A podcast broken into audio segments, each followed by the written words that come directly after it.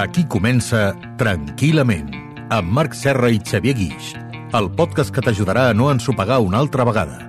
I t'ho assegurem amb FIAC, 5 lletres que et donen tranquil·litat. Bon dia, bona tarda, bona nit. Hi ha una pregunta molt habitual que ens fan els que ens dediquem a xerrar davant dels micròfons com uns lloros. Ens diuen, en què penses quan saps que hi ha tanta gent que t'escolta? La resposta que us donarà tothom és que tendim a no pensar. Perquè si comencem a rumiar si ens escolten dos o tres camps nous plens, eh, segurament no ens dedicaríem a això. Avui parlem d'una qüestió molt curiosa però que afecta a molta gent pensar, parlar amb els altres, exposar-nos davant dels altres, parlar en públic davant dels altres, i ens surt d'una consulta que ens ha enviat el Roger Mas al ment arroba. Diu el Roger, tinc un problema i cada dia va a pitjor. Treballo en una empresa on em toca exposar-me gairebé cada dia mm, i exposar diversos projectes. I no ho porto bé. Quan sóc davant de la gent, i a més són persones que conec des de fa temps, em poso molt nerviós. Em passen totes les calamitats pel cap i no sóc capaç de comunicar bé. I tinc la sensació que alguns projectes no prosperen perquè no els explico bé. Els tinc al cap però no sé com vendre'ls o com explicar-los. I ara ja començo a pensar que les dificultats que tinc per trobar parella és que tampoc eh, davant d'una persona o d'una dona, davant també d'una situació de tensió, no em sé explicar. I vull posar remei abans que vagi a més. Avui, exposar-nos davant dels altres, parlar, parlar en públic, parlar el millor possible per aconseguir ser millors i explicar-nos millor. Xavier Guix, benvingut. Moltes gràcies, aquí estem. I avui una persona especialista també en aquesta matèria. Ja sabeu que aquesta temporada, quan dos no són prou, portem un tercer. És la Marta Millà, que és actriu però també terapeuta. Marta, bona tarda. Hola, què tal? Benvinguda. Gràcies. Um, la por escènica és una cosa del que els actors i les actrius eh, parleu molt, no? La por escènica és només dels actors o de les actrius? O també és de la gent? Hi ha gent que té por escènica? Jo crec que sí. Sí? Crec que sí. Mm? Tothom que s'exposa... A veure, pujar en un escenari és una cosa forta.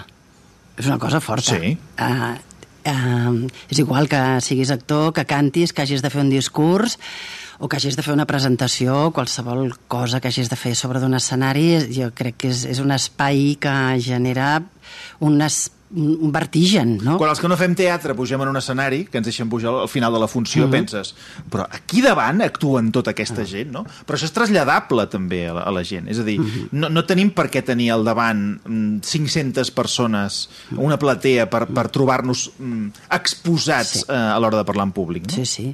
De fet, en una classe, no? Per exemple, en una Ah. classe, en una escola, en un institut, no? Jo recordo a l'institut, no?, que volies dir alguna cosa, no? Te has d'aixecar el, el dit i, i, i ja són moments d'exposar-te, no? Perquè jo crec que és, que és aquesta la paraula, exposar-te, no? Que, que t'estàs exposant, estàs sent vulnerable o estàs ensenyant alguna cosa o, o estàs volent ensenyar alguna cosa però se te'n se te'n surten d'altres t'estàs exposant, estàs obrint-te de bat a bat a, a, a qui sigui, a dos, tres, dos, tres, quatre, cinc, quinze, 400 persones. Ara has posat un exemple, eh, que aquí ja veia que el Xavier reia, perquè, o sigui, aquestes coses de tenir problemes a l'hora de parlar en públic ens pot venir de que ens hagin fet sortir a la pissarra que és una cosa que, bueno, jo no sé ara si És es un fa, clàssic. en- entenc, en, no sé si s'ara, la veritat és que no ho sé si se surt a la pissarra, entenc que sí, Sí. o no sé si el nano amb la seva tablet ja dibuixa i diu les coses cada dia, no cal sortir a la pissarra. És igual, només, que, Però només això que et cridin ho- l'atenció. Ho havien fet molts. Només que et cridin l'atenció, només que diguin, escolta'm, què? I tu què dius? És a dir, encara que et moguis del pupitre, però has d'exposar-te. És a dir, has de dir el que penses, has de dir el que saps, has de dir... I aleshores aquí et pots trobar davant la riota de tota la classe, et pots trobar davant el menyspreu d'un professor o una professora, i per tant hi ha múltiples situacions que moltes persones recorden de petites, o de jovenetes, o d'adolescents, en les que ho van passar molt malament. Aleshores, hi ha com un fet traumatitzant que obliga i que fa que la persona, quan es torna a exposar en públic, sembla com si li vingui tot el mal de Sant Vito que va patir en Com si aquell recordés moment. amb aquell professor no? que ens feia sortir de, davant de la pissarra. Uh, el Roger, que és la persona que, Sí. el Roger Mas, que és la persona que ens escrivia aquest correu electrònic, deia una cosa que m'ha semblat molt curiosa, que de la por a, presen- a presentar un projecte, entenc que treballa en una oficina, un lloc on ha de presentar projectes molt sovint, aquesta por se li ha traslladat a la relació amb altres persones, a la dificultat o a la por de parlar amb altres persones. Això pot ser així? Marta? Sí, em, em, jo parlo per mi, a mi d'un en un no em passa, a mi això, em passa a l'escenari, mm. o sigui, sortir en públic, a mi jo por- porto 30 anys fent teatre i el dia de l'estrena em moro, o sigui, no vull anar al Però col·le. fet, però n'has fet moltes i et continues morint. N'he fet moltes, però em continuo morint. No, no, això no va, no va millor. El que passa que després et tires a l'aigua i ja està. I et fots allà i nedes i s'acaba, i s'acaba, i ho fas i aleshores ho superes, no? Però eh, la por abans de sortir és avui estreno, avui em moro. És que em moro, és que no vull... I realment, eh, eh, clar, a, a mi només em passa així, només em passa a l'escenari, no? Però et venen a veure i et diuen jo no vull parlar en públic perquè, com deia el Roger, no sé com ho deia, diu, em passen totes les calamitats pel cap, deia. Hmm. Uh, com ho treballem, això? Després ja entrarem en, en situacions, diguem-ne, amb, amb menys públic, però d'entrada, quan has de parlar o exposar-te davant de molta gent, què fem? per, per mi hi ha una cosa, però jo, jo, el meu mètode Sí. és... Quin és el teu mètode? El meu mètode, mètode és- Marta, El meu mètode és toca de peus a terra, terra, matèria, cos, aquí ara. Perquè, perdona, diuen moltes vegades una cosa que, a veure, no sé, eh, imagina't els despullats. Quantes vegades s'ha dit això? Si tens problemes amb que el públic no sé què tal, imagina't els de tots despullats. Això té un sentit o... Jo no ho he fet mai, no. No, no, més val que no, no? Perquè tens un text a casa memoritzat sí, sí, i no, més val... et fots amb un merder, Sí, si no anar-te... fer això, vés a ima- saber- Imaginar el públic despullat. Ah, ve el president de la Generalitat despullat. Vés a saber no, per on clar, surt la sí, cosa, clar, no? És diferent. Digues, digues, disculpa. No, hi ha una cosa que és tirar-se a l'aigua. O sigui, el, el pre, el previ, és, és on surten totes les pors, són, són fantasies. La por, bueno, ja ho explicarà el Xavier, que en sap molt d'això, però la por és una fantasia, és fantasia catastròfica de que passarà alguna cosa, no? Per exemple, sortiré i ensopegaré i cauré, quan baixi per les escales em fotré de cap i fotré un ridícul i això serà horrorós i, i tot això no és real. I quedar-se en blanc. O quedar-se en Eh, la blanc. gran- la gran por de La quedar-se gran en por de blanc. Però és que quedar-se estem en parlant blanc, de no? gent que potser no dorm eh, la nit anterior quan sap que ha de fer Sí. una exposició o que ha de vendre una idea o que ha d'explicar un projecte. És a dir, el nivell d'ansietat arriba fins a aquest punt. Sí, sí, sí. sí Per tant, tu dius, el que sentim mm, no és molt real. És a dir, quan passi, quan estiguem allà, no passarà el que ens estem imaginant. No, no, perquè és una fantasia. Això eh, jo ho tinc claríssim. O sigui, la fantasia quasi mai, a mi mai se m'ha realitzat, per sort, gràcies a Déu. O sigui, jo penso que serà un desastre, que, o sigui, que cauré, em quedaré en blanc, no diré res del que he de dir, serà horrorós. És que abans de començar l'obra, abans de començar l'obra, no, la primera frase ja no te'n recordes. No, clar. No, clar, estàs allà i, I dius, no me'n recordo. Hòstia, hòstia, ara m'he quedat en blanc. Però hi ha aquell moment màgic, no?, dels que hem fet els pastorets alguna vegada, que quan poses un peu a l'escenari, llavors... Surt tot. Per què, per què passa això?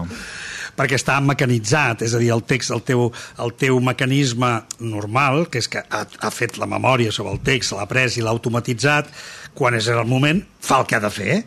El que passa que és el pensament previ, que és el que deia la Marta, aquest pensament previ és el que ens ho esgarria tot.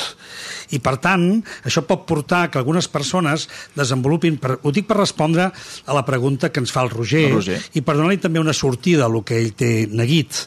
I és en aquest cas, si la por escènica o aquest neguit eh, anticipatori, aquesta ansietat eh, d'exhibició d'exposar-se, pot afectar la vida de la comunicació.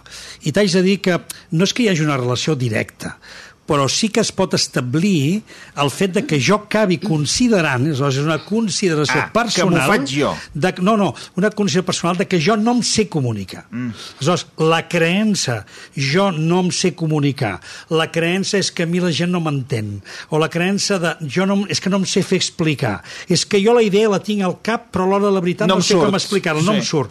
Cosa que pot ser veritat, mm. Cosa que pot ser veritat, que potser hi ha, hi ha persones que s'atabalen tant que en lloc d'anar directe a dir-te el que t'han de dir, Fa un donen munt de voltes voltes, i voltes, sí, tots i aleshores s'han coneixem, perdut, sí. I al final no saps què et volen explicar. Exacte, i aleshores tenen la sensació de que no s'expliquen bé. Aleshores, si jo haig de parlar en públic o, o m'haig d'exposar i tinc la convicció de que jo no sé comunicar-me bé, com et pots imaginar, això és un problema tant en la feina com en la vida privada. És que eh, quan estàvem Clar. comentant... Eh, ara, ara vaig amb tu, Marta, però quan Sí. estàvem comentant amb el Xavier aquesta qüestió, o sigui, jo et deia, home, a veure, un moment, o sigui, a veure, tenint en compte i respectant molt el, que ens explica el, el Roger, home, no sé si parlar en públic o exposar-se o comunicar-se eh, és una preocupació, i tu em deies, no, no, i tant. Home. O sigui, és de les més eh, Sí. angoixants, Sí. em, em deia, perquè hi ha una llista, no? De- Sí, de- els, els psicòlegs sabem que hi ha un índex... Si hi ha un índex de, de, de desgràcies... No, no és que patim. sigui un índex allò escrit, eh, investigat científicament, sí. però que se li dona molt de crèdit de dir quines són les situacions més estressants que pot viure un ser humà. I una és aquesta. La número 1, la mort, una mort, una mort, qualsevol mort. Número 2, una separació. Número 3, curiosament, una mudança. I això crec que tothom m'entendrà. Eh? Sí, sí. I la quarta o cinquena Sí. sí. és parlar en públic. Per tant, estem davant d'un dels estressors majors que tenim a la vida. I el tenim perquè eh, es produeix una situació en la que hi ha dos elements que entren en confrontació. D'una banda, exhibir, mostrar, exposar la meva vulnerabilitat o la meva habilitat o allò que jo sé i alhora la inquietud de sentir-me mirat pels altres. Aleshores, amb dues coses són dos fenòmens que es produeixen alhora i que són impactants, perquè cap dels dos em garanteix que jo sàpiga prou i que els altres em tractaran bé. Però això no eh, acaba estant molt, uh, molt relacionat amb el que és l'autoestima, totes aquestes No, coses? no, perquè, no. Però, no, però No. fixa't una cosa, si, si tornem a l'exemple dels nens, quan estem a la, a, la, a la protecció de la nostra cadira, Sí. allà no hi ha problema. Tu aixecaves la mà o et deien Serra, contesta i contestaves. Sí. El problema és quan t'aixecaves. Per tant, aquesta exposició té a veure amb mostrar-nos tots, Té molt a veure. Amb, amb com ens movem, Clar. amb què, què portem de roba... Exacte, tot hi ha una això. part- hi ha tota una part- Que, que no sigui inseguretat o, tot- o problema, o sigui, un cert problema d'autoestima. Hi ha una part que afecta, des del punt de vista de l'autoestima, afecta tres autos. A veure, L'autoimatge, sí? l'autoconcepte que tinc de mi i l'autoeficàcia. Fins a quin punt sóc eficaç, ho resolc, me'n surto, comunico bé, i les tres afecten la autoestima. Per tant, l'autoestima està més en relació que aquestes altres tres. No és que l'autoestima per si mateix, una persona pot dir, mira, jo m'estimo molt a mi mateix, però noi, no em posis davant del públic perquè allà perdo els papers. També és veritat. Per tant, és, és considerar aquests altres autos que són els que estan intervenint en això que et deia, en el fet, una, de ser mirat pels altres, i pensa que ser mirat pels altres vol dir eh, patir la possibilitat de ser avergonyit o humiliat pels ah, altres. mica, ah, doncs ja hem arribat. És a dir, aquí aquest és el problema. Aquest és el Que problema. ens juguem la humiliació. La humiliació o la vergonya o el rebuig. Mm. Perquè creure que ho faig tan malament és creure que els altres em rebutjaran. Marta, que t'he tallat abans. Digues, no, que jo digues. ara pensava que jo li diria al Roger Sí. eh, que, eh, concentrar-se amb, la, amb el desig i la necessitat de comunicar el que ell vol comunicar. És a dir, si ho fa bé o malament, clar, centrar-ne... En el què, no? En el què? Si, si, jo, si, jo tinc, si jo et vull comunicar alguna cosa, jo pot- pot- pot- potser em foto tar tartamudar, sí. m'és igual. Si jo t'ho vull comunicar, això té una força bestial. Vale? Aleshores, més val concentrar-se. És a dir, m'estàs dient que un tartamut pot comunicar de conya. és igual, i tartamut i com vulguis. I, Escolta'm, si les frases no les fas ben fetes, doncs no les Però fas que ben tinguis fetes. clar què vols anar a Jo explicar. crec que la comunicació, l'impuls de comunicació és molt més potent que, que, que totes les altres coses. Aleshores, per mi la sortida és aquesta. És més igual si no ho faig bé. Més igual, jo vull que que que m'entenguis, perquè volem fer-ho bé, no? Mm. Volem fer-ho tan bé, que potser el voler fer-ho tan bé, si tu no tens aquest do de la paraula i no, no, no, no en saps tant, doncs no en saps tant, però el que tu vols dir eh, mm, és important, no? Sí. I aquesta és la força, crec, eh? Clar, no, no, i aquesta força és el que li diem la intenció comunicativa. Clar. És a dir, que a l'hora de sortir a, a exposar-te, sigui en una associació de veïns, i tens la reunió de l'escala. Oh, és que a Eh? veure, és que d'això estem parlant, Clar, eh? eh, la reunió no de estem gent parlant de de, de, de, escolta'm, de, Que a vegades has de d'un parlar- productor que presenta una pel·lícula No, no, davant no. de, de, dels altres productors de Hollywood. Les reunions a escala. La reunió d'escala... El, On, on t'hi jugues mm, el teu benestar. A, a, a vegades també. I, Sí, sí, i, o l'empresa, clar. com el Sí, cas sí, del Roger, sí, sí. en una presentació. Escolta, aquest cop ho presentaràs tu. Ja, ja me la te l'han fotuda. Doncs l'important és centrar tota l'atenció en la intenció comunicativa. Què vol dir? Què és el que vinc a comunicar? Què és el que vinc a dir? Clar. Perquè quan estic connectat al que vinc a dir, no importa com ho dirà. Ho diré més bé, més, més afinat, menys afinat, tindré eh, una voz eh, radiofònica, o tindré una veueta d'aquestes que... Però el que importa és que la gent li captis l'atenció perquè estàs tan centrat en allò que vols dir. I mira, i aquí es produeix un fenomen molt, molt interessant, que és quan centro l'atenció en allò que haig de dir, m'oblido de mi i també m'oblido del públic. Marta, sí. per al·lusions. És ben bé així, és ben bé així. Clar, hi ha tota una O maquinària... sigui, tu no, tu no penses en els espectadors. No, no, no, abans, abans sí, o sigui, ja tot, tot el pre, sí, perquè sents la remor, la remor, del, de la, la remor de la gent que va entrant, i, ai, és com una cosa, no, es va animar, i, hòstia puta. Però després ja està, després ja està, no? Estàs allí, aquí ara, amb el company, mirant el lector que tens davant i amb el tema que t'estàs involucrant, i ja està, no?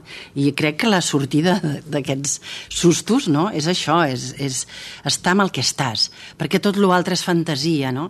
Molt boicotejadora, vull dir que realment et pot fer paralitzar i, et, i, i ja, per mi hi ha una guerra, no? És qui guanya, els malos o els buenos, no? Llavors, això, no? Anar- enfocar-se en les coses bones, no? També, sabent que les altres hi són, però enfocar-se i, i empenyes aquí, no? Amb la, amb la intenció, amb les ganes de comunicar i amb el que et toca fer. Jo crec que això ho hem entès, però davant del bloqueig, i ara ja vaig del que és eh, un parlar en públic, una Sí. sí. presentació, amb el que també ens deia el Roger al final, no? de, tu deies, bueno, és que potser això, eh, una cosa és derivada d'una altra, però aquella persona que, ja no davant d'un públic, sinó davant d'uns, fins i tot uns amics, Sí. hi ha gent que, que, que Sí, es sí, sí, talla, i tant. o una persona que li agrada, Sí. o, o, o, o el cap a la feina, no? que, que es bloqueja a l'hora de- d'exposar-se, de, de comunicar, aquest nus com el desfem? Mira, uh, jo crec que estàs tocant un tema molt interessant, que és les moltes persones que s'han d'exposar amb els amics, ja no de banda, sinó amb els propis amics, perquè no ho has sentit dir moltes vegades.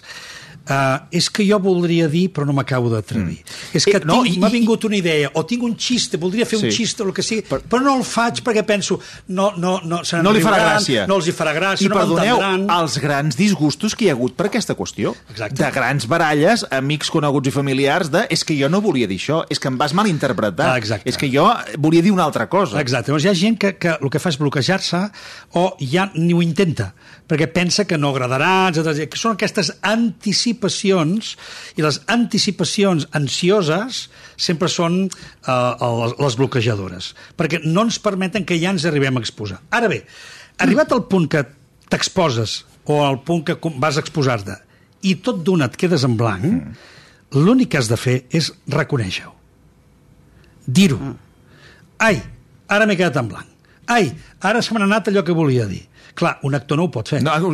No. Això ja Estava t'explicarà... mirant la Marta i tu, no, tu, tu tires, tu tires. Tu la tires, tècnica de, de l'actor ja te l'explicarà, però la tècnica per la gent de, de, de, de, de les, les trobades habituals o les conferències o les xerrades dintre de l'empresa o quan estic en la reunió de professors de l'escola i haig d'exposar coses, doncs no passa res. Ai, ara s'ha anat al salsat. Ja us ho diré després. És a dir, no donar-li més importància. És normal, és humà i segurament perquè estaves tan patint. Perquè fixa que hi ha un patiment que és les presentacions dintre d'un grup. Mm. Perquè el primer acaba de seguida, però millor n'hi ha un que li toca 20 davant. I mentre no arriba el seu torn, es va fent petit, petit, petit, petit Aquest a la cadira. que volia dir jo, ara això Ah, ja exacte. està fet, ara jo què diré, ara no Exacte. vull repetir-me... I aleshores et vas fent petit, petit, petit, i has de pensar que encara que diguis el mateix que ha dit tothom, sempre la teva manera de dir-ho serà única. Per tant, encara que et repeteixis, digue-ho, perquè al final l'important és dir-ho. I vaig vaig a dir-te, vaig a posar-te un exemple. A veure. A la meva època periodística, quan Sí. jo feia el teu paper, Sí.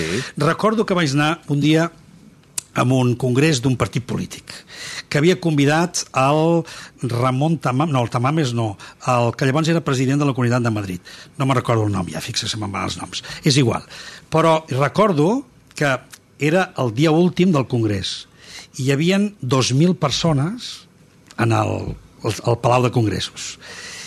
I va haver un torn de paraules i jo vaig demanar la paraula. I no vaig demanar-la perquè tingués res que dir sinó simplement perquè em vaig exposar que és dir, ara em vaig exposar i fixa que em van haver de dir por favor, ¿puede concretar la pregunta? perquè em vaig enrotllar com una talló. Per què? Perquè en realitat no, no volia, l'únic que volia era exposar-me. Aleshores, a Era vegades, provar, volies provar-te. Aleshores, a, cal, a vegades cal fer això. Cal dir, és igual dir una tonteria, és igual dir una petita cosa. Bueno, jo també penso el mateix. És igual, encara que sigui una cosa així, però exposa't. Perquè és l'única manera d'anar trencant progressivament aquesta por una mica absurda, una mica tonta, però que realment ens bloqueja molt a l'hora de comunicar. Avui un tema que per molta gent, els que ens dediquem a això, ens semblarà molt natural, perquè ho fem cada dia i pràcticament ho tenim de naixement eh, poc adquirit, no? el, el, el, el, eh, el periodista, eh, l'actriu, el psicòleg, segurament ens, ens neix molt, no? Però un problema que genera, com comentàvem abans, no? moltes preocupacions. Uh, Marta, no sé si volies dir alguna cosa per, per No, tancar la bloqueig de, tertúlia. del, de l'actor. Ah, no, no, això, no, no, a veure, si et quedes en blanc sempre hi ha un company que et salva, que et, et torna a lloc, i si no, tard o d'hora Menys en els monòlegs, és no, més els complicat, monòlegs, jo no però n'he fet de monòlegs, No, no, però però, monòleg però et- fas tornen un coses, temps. però a mi m'han explicat coses, gent que té el text allà... Sempre hi ha una estratègia, Sí, hi ha manera de taula, tan surts i ja està. No, el, el món no s'acaba. El món no s'acaba. No, jo penso que també tenim com molta pressió com a societat, no? Com que hem de ser tots la hòstia. I, no? Hem de ser tots sí. l'hòstia i hem de ser tots brillants i, i tots hem de ballar, cantar, parlar i dius, hòstia, tio, quina pressió, no? I no podem ser normals? normals? I, i, i ja està. I, i- no, no si un serveix per això, un altre serveix per allò. Si, si tu ets tímid, tio, ets tímid. Doncs ja està, doncs escolta'm, sóc tímid. No, no, no, no sé, jo, jo, és una cosa que us plantejo aquí, no? No, no, tens- tens raó, ser tens raó, com sí, sí, ets, tens raó. Poder ser com ets, tenim una pressió molt bèstia. I, i... Vivim en un món que ens fa, ens fa, ens fa, ens pressiona d'una manera, ens fa ser els millors a cada moment, no? Els, millor, els que ens presentem Exacte. millor, els que Clar, tenim el millor discurs... No. Eh, Això fa mal. rebaixeu una mica fa mal, les sí, expectatives. mica. I que, a més a més, m'estimo molt més que diguis poc, però que ho diguis tu, que no pas que m'imitis a qualsevol altre. Perquè avui en dia, amb tota la, la colla de gent de les xarxes, saps que quan escoltes un youtuber, tots són iguals. Sí. Hola, queridos amigos, estamos aquí, hemos reunido, vamos a... hacer-". Tots parlen igual.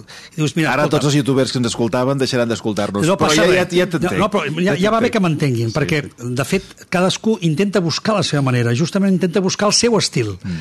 I per això és molt important no caure en l'estil del que ja fan els altres. Mm. Potser a vegades et pot ajudar per començar, però has d'anar trobant la teva manera d'expressar-te. I el que diu la Marta, és la teva. I la teva, fi- fixa't una cosa, en realitat, quan tu estàs davant dels altres, ningú voldria estar al teu lloc. Per tant, no pateixis tant. Els apunts del Tranquil·lament. Avui exposar-se, estar davant dels altres i, com sempre, eh, acabem avui- la tertúlia, perquè avui ha sigut més una tertúlia que una altra cosa, la tertúlia d'avui amb unes idees, amb uns apunts, Xavier, que hem de tenir en compte. Sí, recordant principalment això, que nosaltres quan eh, ens hem d'exposar, a vegades ens venen les pors, ens apareixen temors, ens apareixen aspectes que han quedat atesorats a la nostra infància, eh, potser ens han fet, ens han dit que calléssim eh, de petits, calla nen, calla nen, calla nena, calla, calla, i ens han fet callar tant davant de... Quan hi hagi gent, calla, quan hi hagi gent, calla. I no ens en donem compte i estan participant productes de la nostra infantesa, de la nostra adolescència, i per tant són pors que continuem tenint. Aquestes pors estan vinculades als tres grans, eh, les tres grans angoixes apocalíptiques de la vida social, que són la vergonya, la culpa i el rebuig. En la vida social, això res ens fa més por que aquestes tres coses. I, per tant, quan estem davant d'una possibilitat d'exhibir-nos, el més important és que no posem l'atenció en les nostres pors, en la tremolor del nostre cos, en el full que es mou, en si ho estic dient bé o no, sinó que ens centrem principalment en la intenció d'allò que vull dir. I allò que vull dir que quedi en el meu cap molt clar, que és el que vull exposar. Duri molt, duri poc i sobretot fer-ho a la meva manera.